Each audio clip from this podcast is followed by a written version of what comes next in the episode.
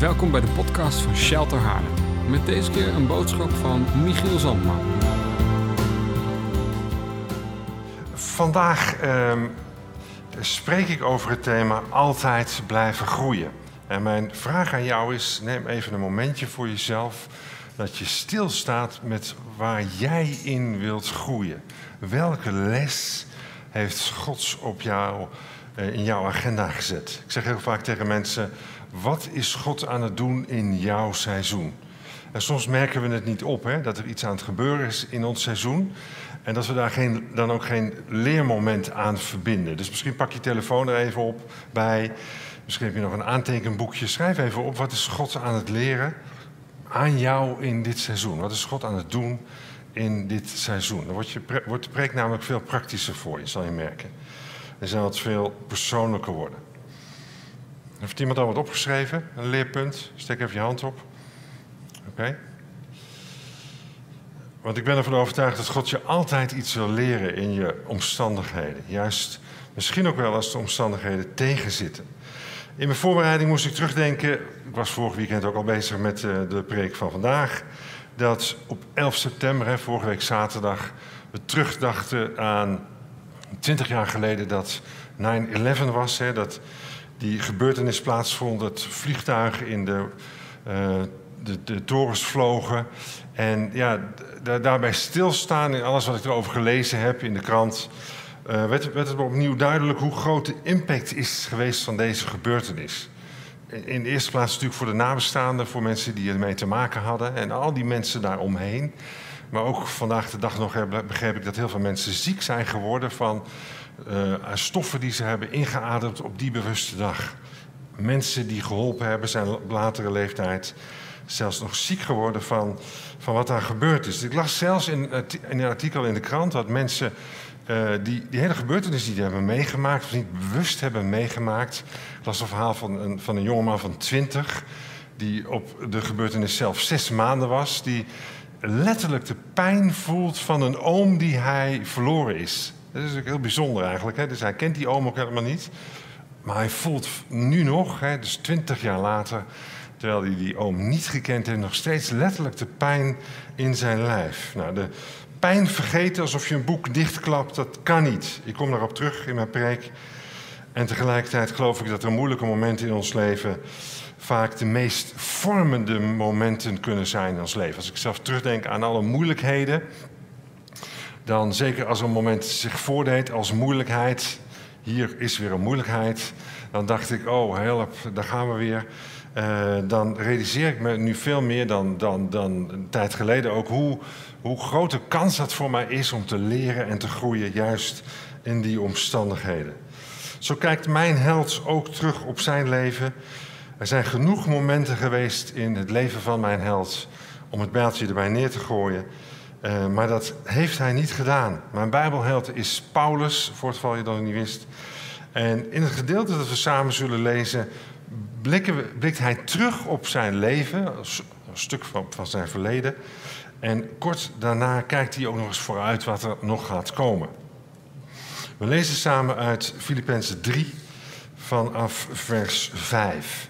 Dus heb je je Bijbel erbij, je Bijbel bij je. En lees even met me mee. Daar staat, als we er middenin vallen, Filippenzen 3, vers 5. Ik, dat was Paulus hè, die het schrijft. Ik werd besneden toen ik acht dagen oud was en behoor tot het volk van Israël, tot de stam Benjamin. Ik ben geboren Hebreeër met de wetsopvattingen van een fariseer. En heb de gemeente fanatiek vervolgd. En wat er in de wet over gerechtigheid staat, voldeed ik volledig. Maar wat voor mij winst was, ben ik omwille van Christus als verlies gaan beschouwen. Dat is wat hij zegt als hij terugkijkt. Sterker nog, ik hoor allerlei andere geluiden, wat interessant. Uh, ja, zie het maar weer eens uit te krijgen, het apparaat dan, hè, als hij voor zichzelf begint. Ik heb ook zo'n relatie met mijn telefoon, dat hij op de meest verkeerde momenten tegen mij begint te praten. Dat is wel heel slecht bedacht. Slecht zegt Siri, stoppen. Niet nu. Goed, sterker nog, alles beschouw ik als verlies. Het kennen van Christus Jezus, mijn Heer, overtreft immers alles. Al omwille van Hem heb ik alles prijsgegeven, heb ik alles als afval weggegooid. Ik wilde Christus winnen en één met hem zijn. Niet door mijn eigen rechtvaardigheid, omdat ik de wet naleef, maar door die van God. De rechtvaardigheid die er is door het geloof in Christus. Ik wil Christus kennen en de kracht van zijn opstanding ervaren. Ik wil delen in zijn lijden en aan hem gelijk worden in zijn dood. In de hoop misschien ook zelf uit de dood op te staan. Niet dat ik al zover ben en mijn doel al heb bereikt, maar ik houd vol. In de hoop eens te kunnen grijpen waarvoor Christus Jezus mij gegrepen heeft. Broeders en zusters, ik beeld me niet in dat ik het al heb bereikt, maar één ding is zeker: ik vergeet wat achter mij ligt en richt mij op wat voor me ligt. Wauw, die Paulus, die, die was me er eentje. Die, die, die had wat te vertellen. En de context van dit verhaal is dat Paulus een boodschap schrijft aan de Filippenzen op het moment dat hij gevangen zit in Rome. dat is de laatste fase van zijn leven. En de essentie van de brief is: wees blij. Samenvatting, Filippenzen, wees blij. Nou, dat is extra bijzonder, denk ik, omdat hij vanuit gevangenschap schrijft en het vermogen heeft om zo te leven. Zijn omstandigheden verhinderden hem niet om positief te blijven. Hij, hij, was positief en hij bleef blij kijken naar zijn uh, omstandigheden. Dat lijkt een tegenstelling, maar dat had hij inmiddels geleerd. Het staat ook in Filippenzen 3, vers 1 in het boek. Maar wat er ook gebeurt, broeders en zusters, wees blij in de Heer. Ik word niet moe dit telkens weer te zeggen. En voor u is het goed dit keer op keer te horen. Nou, in hoofdstuk 3, dan blikt hij terug op zijn leven, het stuk wat we net gelezen hebben. En hij zegt dan eigenlijk, er is een heel belangrijk keerpunt geweest in het leven van Paulus. Dat is het moment dat hij Jezus ontmoet. er was een voor Paulus en een na. Uh, heet hij ook nog anders, hij heette Saulus. Hè, voor die ontmoeting met Jezus. En daarna wordt hij Paulus. Dat is eigenlijk een transformatiemoment geweest in het leven van Paulus. Dat hij Jezus ontmoet. Hij kijkt even terug op zijn leven. Hij zei: Als fariseer had ik het uh, goed voor elkaar. Ik was echt een, een top fariseer, zal ik maar zeggen. Hij zegt eigenlijk, als ik, als ik terugkijk op dat moment voordat ik Jezus ontmoette, zegt hij, dan had ik mijn religieuze cv goed op orde. Dat was allemaal wel top, zegt hij eigenlijk. Als Paulus nog in het Oude Testament had geleefd, dan was hij helemaal oké. En Jezus bracht een nieuw verbond. Die omkeer komt ook in het leven van Paulus. Als die uh, Jezus ontmoet hè, op de weg naar Damascus. En dan was de geest nog niet aan Paulus verschenen, maar op dat moment wel. En omdat die geest nog niet aan hem verschenen was, hij was op weg om de christenen te vervolgen. Uh, uh, ja, dat, dat, hij wilde die christenen eigenlijk op het rechte pad brengen. De christenen waren een beetje ontspoord in zijn ogen. Nou ja, op, op, op weg ontmoet hij dan Jezus en dat is ook het keerpunt in zijn eigen leven. In vers 10 kom ik, kwam ik het, centrale thema tegen voor deze preek. He, dat zou je kunnen zeggen, dat is kort en krachtig het doel van zijn leven. Er staat, wat staat er? Ik wil Christus kennen en de kracht van zijn opstanding ervaren. De essentie is dit eigenlijk van Paulus' leven. Ik heb ook wat meegenomen natuurlijk altijd. En dit is de samenvatting van vers 10. Christus leren kennen en zijn, de kracht van zijn opstanding ervaren. Dat is wat waar Paulus naar onderweg was. Hij stond ergens hier als dit het proces was, als dit de leerweg was, als dit de weg was die hij aan het ontdekken was, dan was dit het doel wat hij uh, nastreefde, maar hij realiseerde zich ook dat er op die weg het proces van alles te leren was. Hij, hij wenste, hij, hij wilde zo graag Christus leren kennen en de kracht van zijn opstanding ervaren. Daar leefde hij die voor. En dat heb ik er even uitgehaald als een thema van Paulus. Je kunt het ook breder maken. Wat er ook onder verstaan wordt, denk ik, is, is op Jezus willen lijken. Uh, wat, wat, wat er ook bij hoort, is een discipel van hem zijn. En wat er ook bij hoort, is het, het koninkrijk zichtbaar uh, maken. Dat is ook wat wij doen. In onze missieslogan staat: Shelter is Gods koninkrijk in, in, ons, in onze wereld. Dat is wat we nastreven, dat is wat we willen. En Paulus was ook iemand die een duidelijk doel had, maar ook het proces eerde om, om daar te komen. Heb een zeer rijke fantasie. Ik uh, ben ook een hele enorme beelddenker. Als iemand iets vertelt, dan zie ik het altijd meteen voor me. Dat is met de positieve dingen zo en met de minder positieve dingen zo. Als mensen aankomen met ziekenhuisverhalen, dan zie ik dat ook altijd helemaal levendig voor me. Zijn er meerdere mensen die dat hebben? Ja, hè? Dan dat je een beetje draaierig wordt. Dat kan zomaar gebeuren. En ik, ik dacht, ja, uh, stel je voor dat er een singer-songwriter was geweest in het leven van Paulus. En die dacht, uh, ja, Paulus zit nu gevangen. Nou, dat is dan fijn, dan kan ik hem misschien wel even opzoeken. En uh, laat ik die Paulus nou eens... Had wel door dat Paulus een bijzondere persoon was.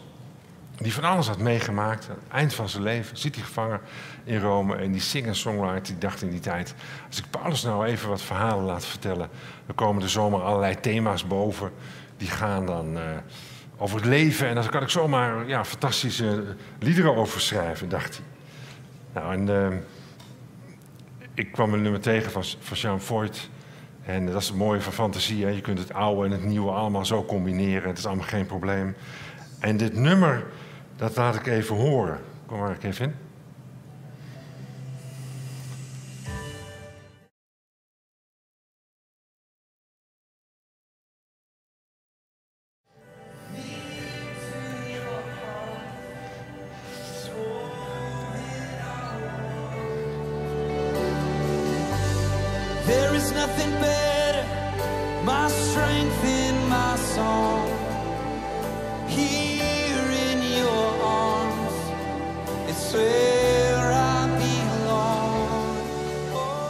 komt nog een paar keer terug, dit nummer, hè, dus je kunt het maar vast even oefenen. Dat was de essentie volgens mij van dit thema.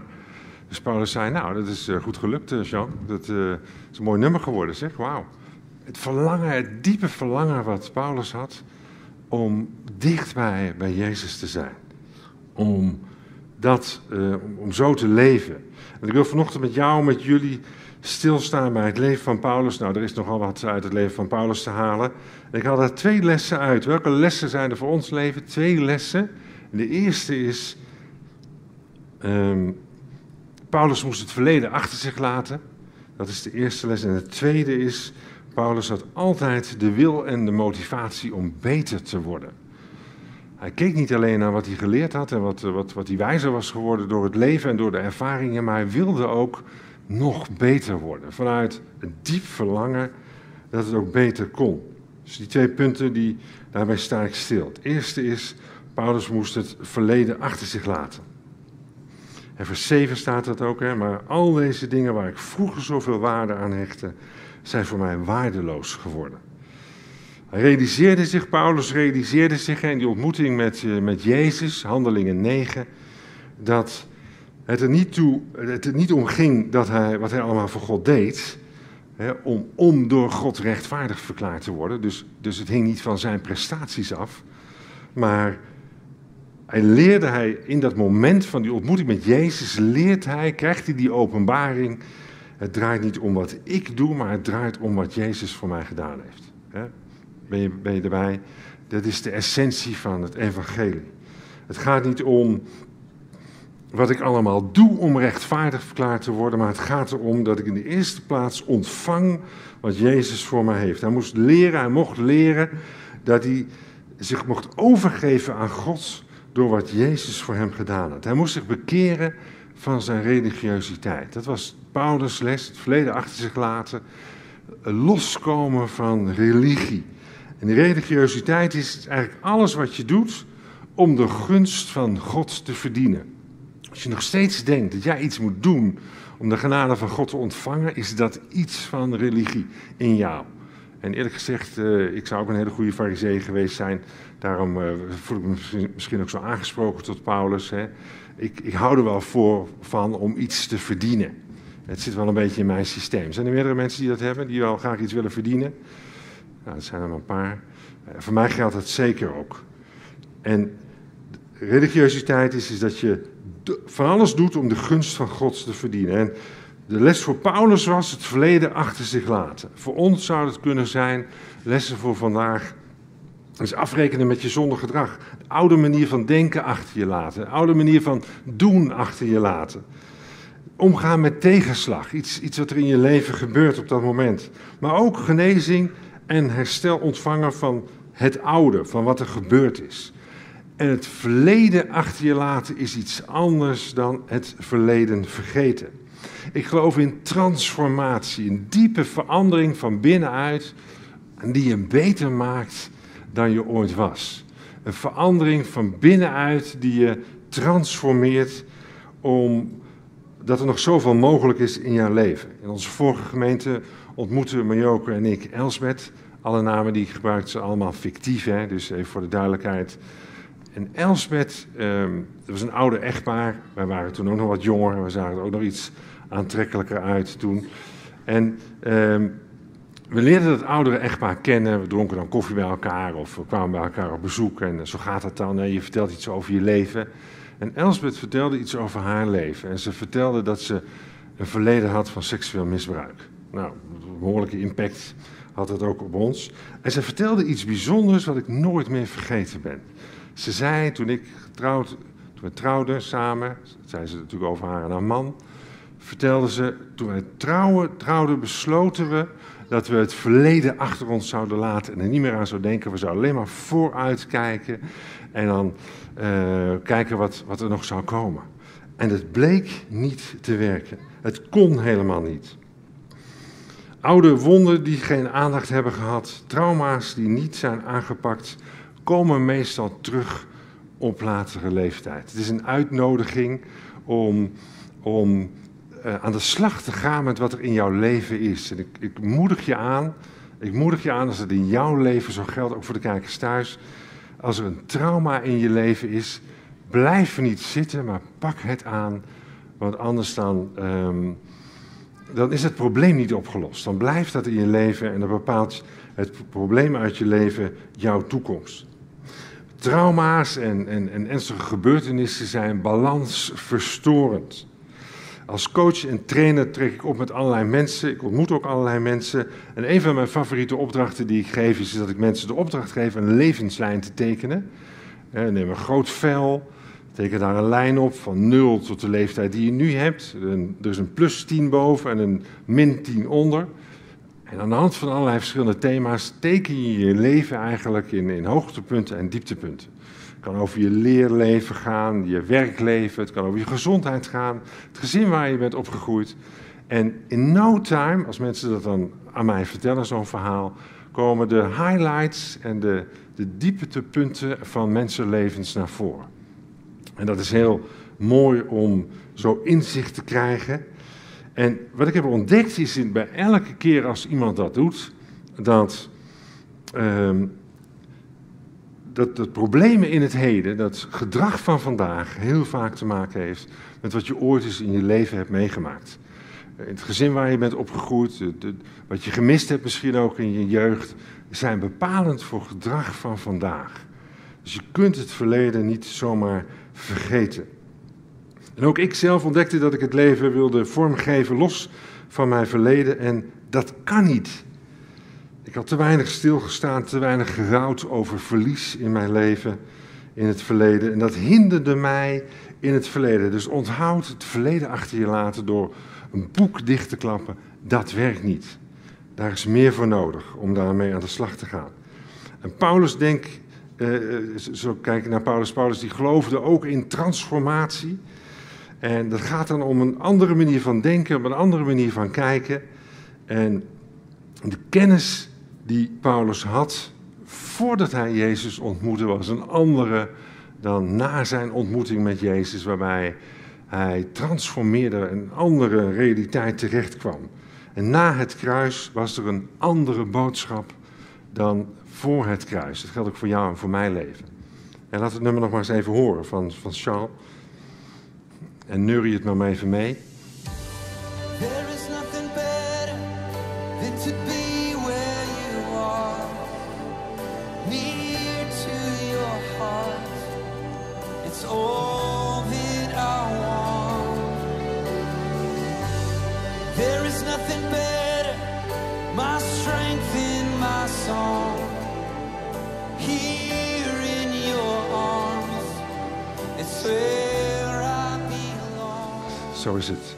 Dat is wat Paulus denk ik ook zong over zijn leven. En hem een diepe, diepe drijfveer gaf van er is altijd verandering mogelijk voor elke situatie. En het tweede punt is, hè, Paulus had de wil, de motivatie om altijd beter te worden. Dat zegt hij ook in vers 12, vers 13. Hè? Komt dat in de, aan de orde wat, wat we net gelezen hebben? Wat staat er dan precies?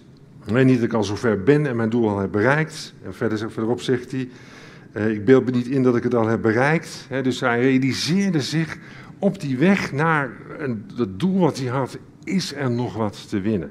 Is er nog ontwikkeling mogelijk? Zelfs in het leven van Paulus was dat zo.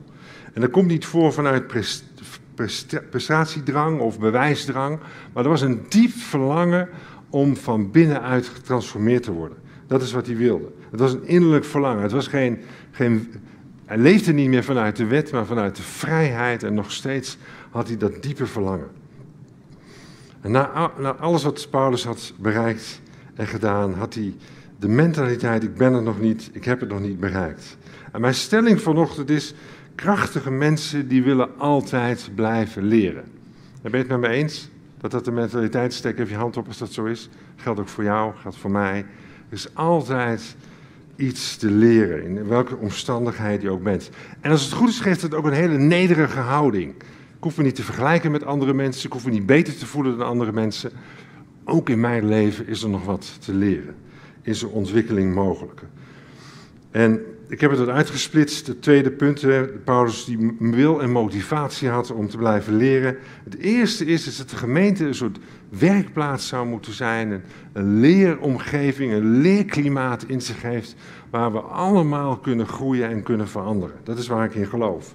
Als mensen hier een rondleiding zouden kunnen krijgen op waar dat dan ook precies is. Of dat nou in een team is, of hier op zondag, of in een at-home groep of misschien zelfs in jouw gezin, hè, wat ook een soort mini-gemeente is. Dan zouden mensen moeten kunnen zien, hoop ik, dat er geleerd wordt. Dat er wat te leren valt. Dat er ontwikkeling plaatsvindt. En dan klinkt het steeds, wat ben jij aan het leren? Ik zei het net al, ik vraag vaak aan mensen, wat is God aan het doen in jouw seizoen? En, en wil je daarbij aansluiten voor jouw leven? Wil je dat oppakken wat er ligt, om dat praktisch te maken in jouw leven?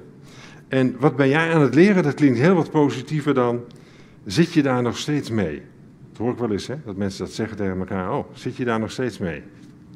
Nou ja, dat kan zomaar gebeuren natuurlijk, dat iemand nog ergens mee zit. En dan is zo'n opmerking niet bepaald uh, um, behulpzaam.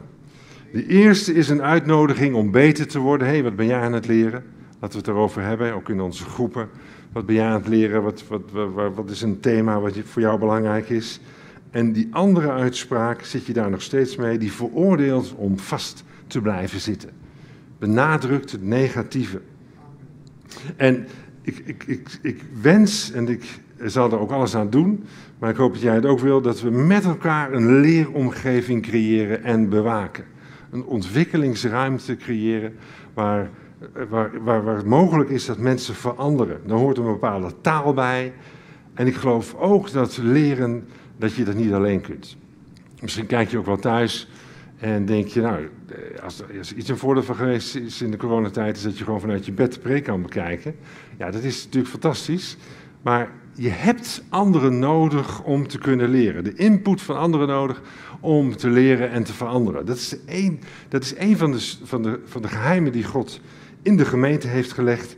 Is dat, dat anderen jou ook kunnen helpen om te leren en te veranderen. We hebben elkaar nodig, de input van anderen nodig. Ik heb ook allerlei dingen die ik aan het leren ben als coach. Uh, ik heb al heel wat geleerd en er blijft nog heel wat te leren. Ik loop op diezelfde weg als, als Paulus. En wat ik heb ontdekt in de vele begeleidingsgesprekken die ik voer met andere mensen, is dat ik me soms te verantwoordelijk voel voor dat proces van die ander. dus dan, dan, dan vind ik dat het niet snel genoeg gaat. Absoluut een kenmerk van mij, het gaat niet snel genoeg. Het ongeduld dat in mij zit. Ik zit helemaal precies de route. Maar mensen mogen hun eigen keuzes maken. En ik ontdekte dat ik te vaak de verantwoordelijkheid van een ander wil overnemen. Het heeft te maken met het gezin waar ik in ben opgegroeid. Het speelt voor mij. En ik heb een heel simpele manier uh, gevonden om, om gedrag te veranderen. Dat is gewoon zo'n geel papiertje te nemen en er staat op... Ik ben niet verantwoordelijk voor het gedrag van een ander. 25 mei 2021. Hangt onderaan mijn uh, een van mijn beeldschermen. En als ik de neiging heb om soms de verantwoordelijkheid voor iemand anders over te nemen, dan lees ik dat briefje. Oh ja, Michiel, ik ben niet verantwoordelijk voor het gedrag van iemand anders. En dat, dat, dat herinnert me dan aan, aan dat leerpunt en om het in de praktijk te brengen, zo'n simpele tekst op te schrijven.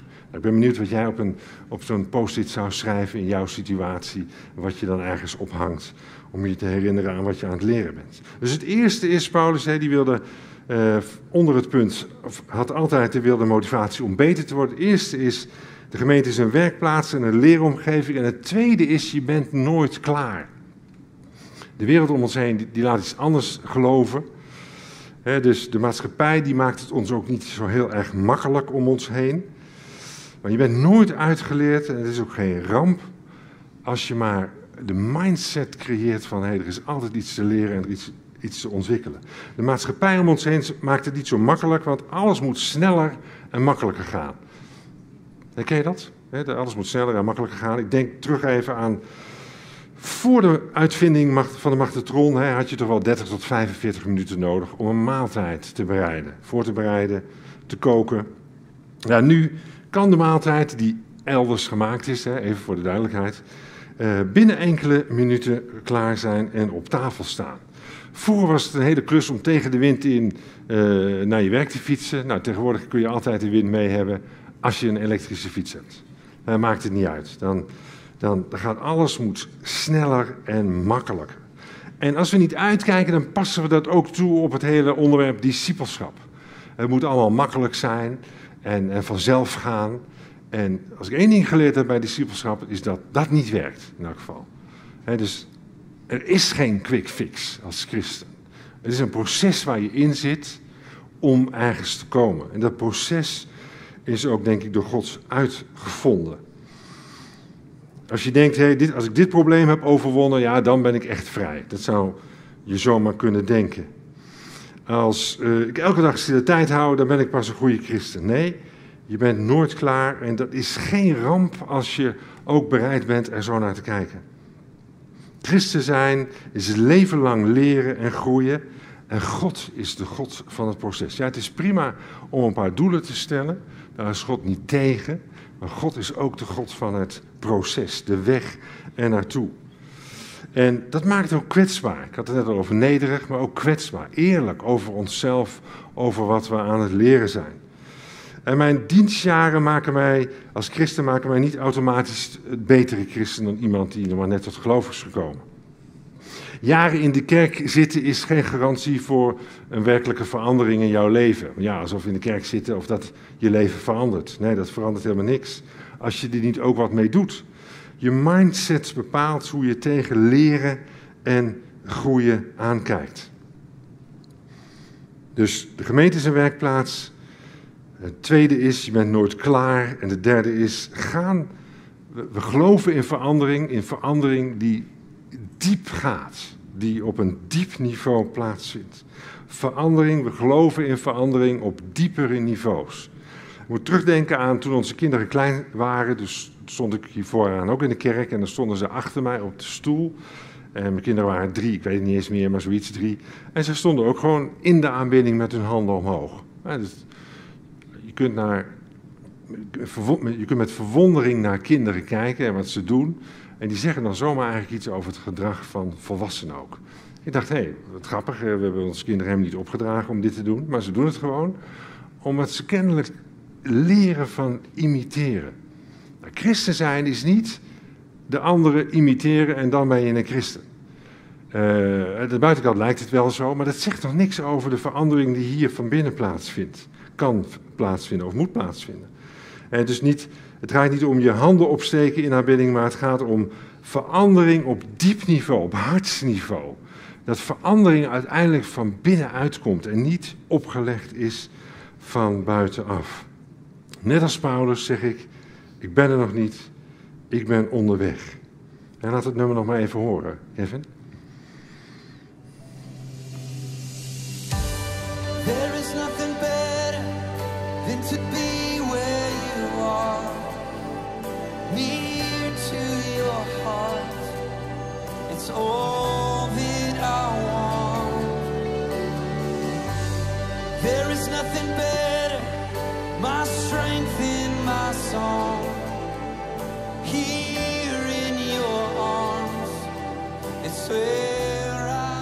Ja, zo is het, zo is het. In die armen van, van God, in die armen van Jezus, daar hoor ik thuis. Misschien zeg jij wel, Michiel, ja, leuk over die verandering.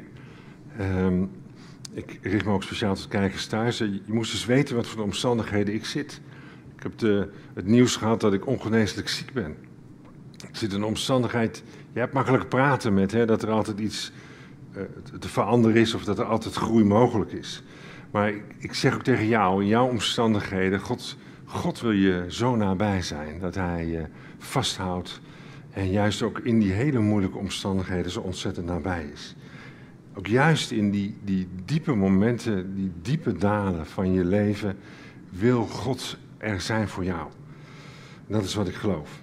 En mijn laatste punt is, als je valt, sta je weer op. Ik herhaal een boodschap van Karim Wandulski. Die sprak hier twee weken geleden, eindigde ook zo zijn preek met uh, de tekst uit Spreuken, Spreuken 24, vers 19. En dan staat, rechtvaardige komt zevenmaal te val, maar telkens staat hij weer op. Het gaat er niet om hoe vaak je valt, in wat je aan het leren bent. Het gaat erom hoe vaak je weer opstaat. Hoe vaak je weer opstaat om, om de draad weer op te pakken, om het uiteindelijk weer uh, aan te gaan, wat, wat, wat je aan het leren bent. En dat kan als je vol van hoop bent en blijft. En dat is een keuze ook. Vol van hoop zijn is een kenmerk van christenen, van krachtige mensen, dat is wat wij geloven. Er moet, hè, die, die, die mindset die je dan hebt, als je vol hoop bent, er moet een oplossing zijn voor dit probleem. Er is niet altijd een oplossing zoals je dat jijzelf, jezelf voorstelt, maar er is zeker iets wat God wil doen in jouw situatie. Ik moet terugdenken aan uh, Jannie, die ik begeleid. En Jannie is een super creatief persoon. Zij is um, eind 30 en zij heeft al van alles gedaan. Zij is fotograaf, videograaf. Zij uh, is regisseur van videoclips. En ze is daarnaast ook nog een keer zangeres. En ze speelt gitaar en basgitaar van de eigen band. Maar ze is compleet vastgelopen in een visieuze cirkel van gedachten. Waarin ze niet meer weet hoe zij verder moet. Wat een volgende keuze kan zijn. Ze is als het ware geblokkeerd geraakt in haar eigen denken. En ik geef, allerlei, ik geef mensen altijd allerlei opdrachten om mee aan de slag te gaan.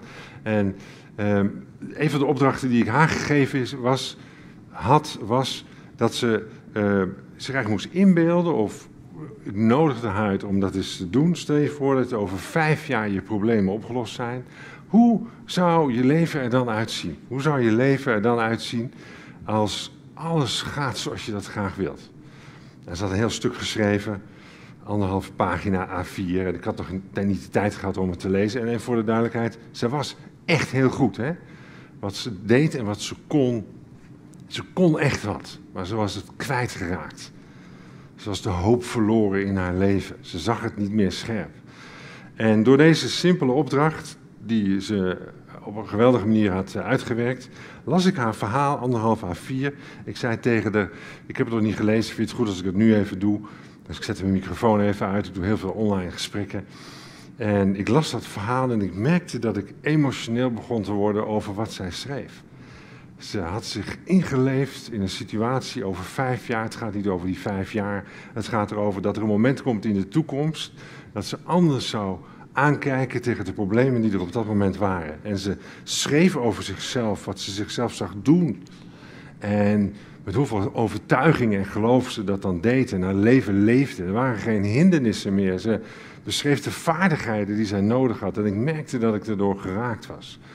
Emoties raakten me van iemand die verbeeldingskracht gebruikte om zich voor te stellen waar ze zou kunnen komen. En dat raakte me. Vanochtend daag ik je uit om hoopvol naar jouw situatie te kijken. En als christenen zouden we erom bekend moeten zijn dat we hoopvol zijn uh, door de hoop die in ons leeft. Met een vol hoop gevuld hart dat het probleem uit je verleden, dat je dat anders zou kunnen bekijken en dat je in actie wilt komen. Er is altijd een mogelijkheid om iets nieuws te leren. ik wil vragen of je op wil staan, sluiten we samen af.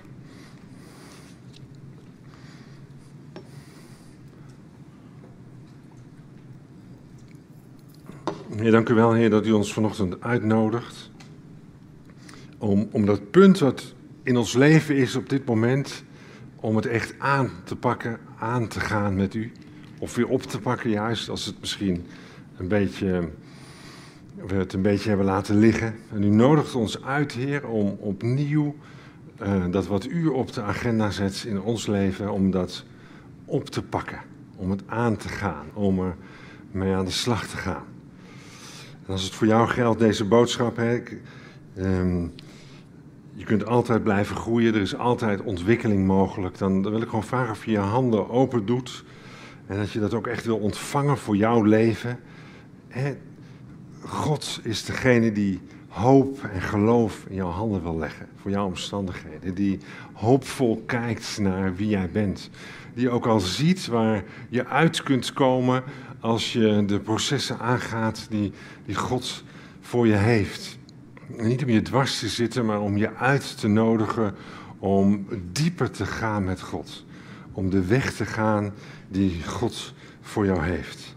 Er is altijd iets te leren en er is altijd de mogelijkheid om te groeien en te veranderen. In Jezus' naam. Amen. Dank voor het luisteren naar onze wekelijkse podcast. De missie van Shelter is Gods Koninkrijk zichtbaar maken in onze wereld. Wil je onze gemeente financieel ondersteunen in deze missie? Ga dan naar www.shelter-haarlem.nl geven.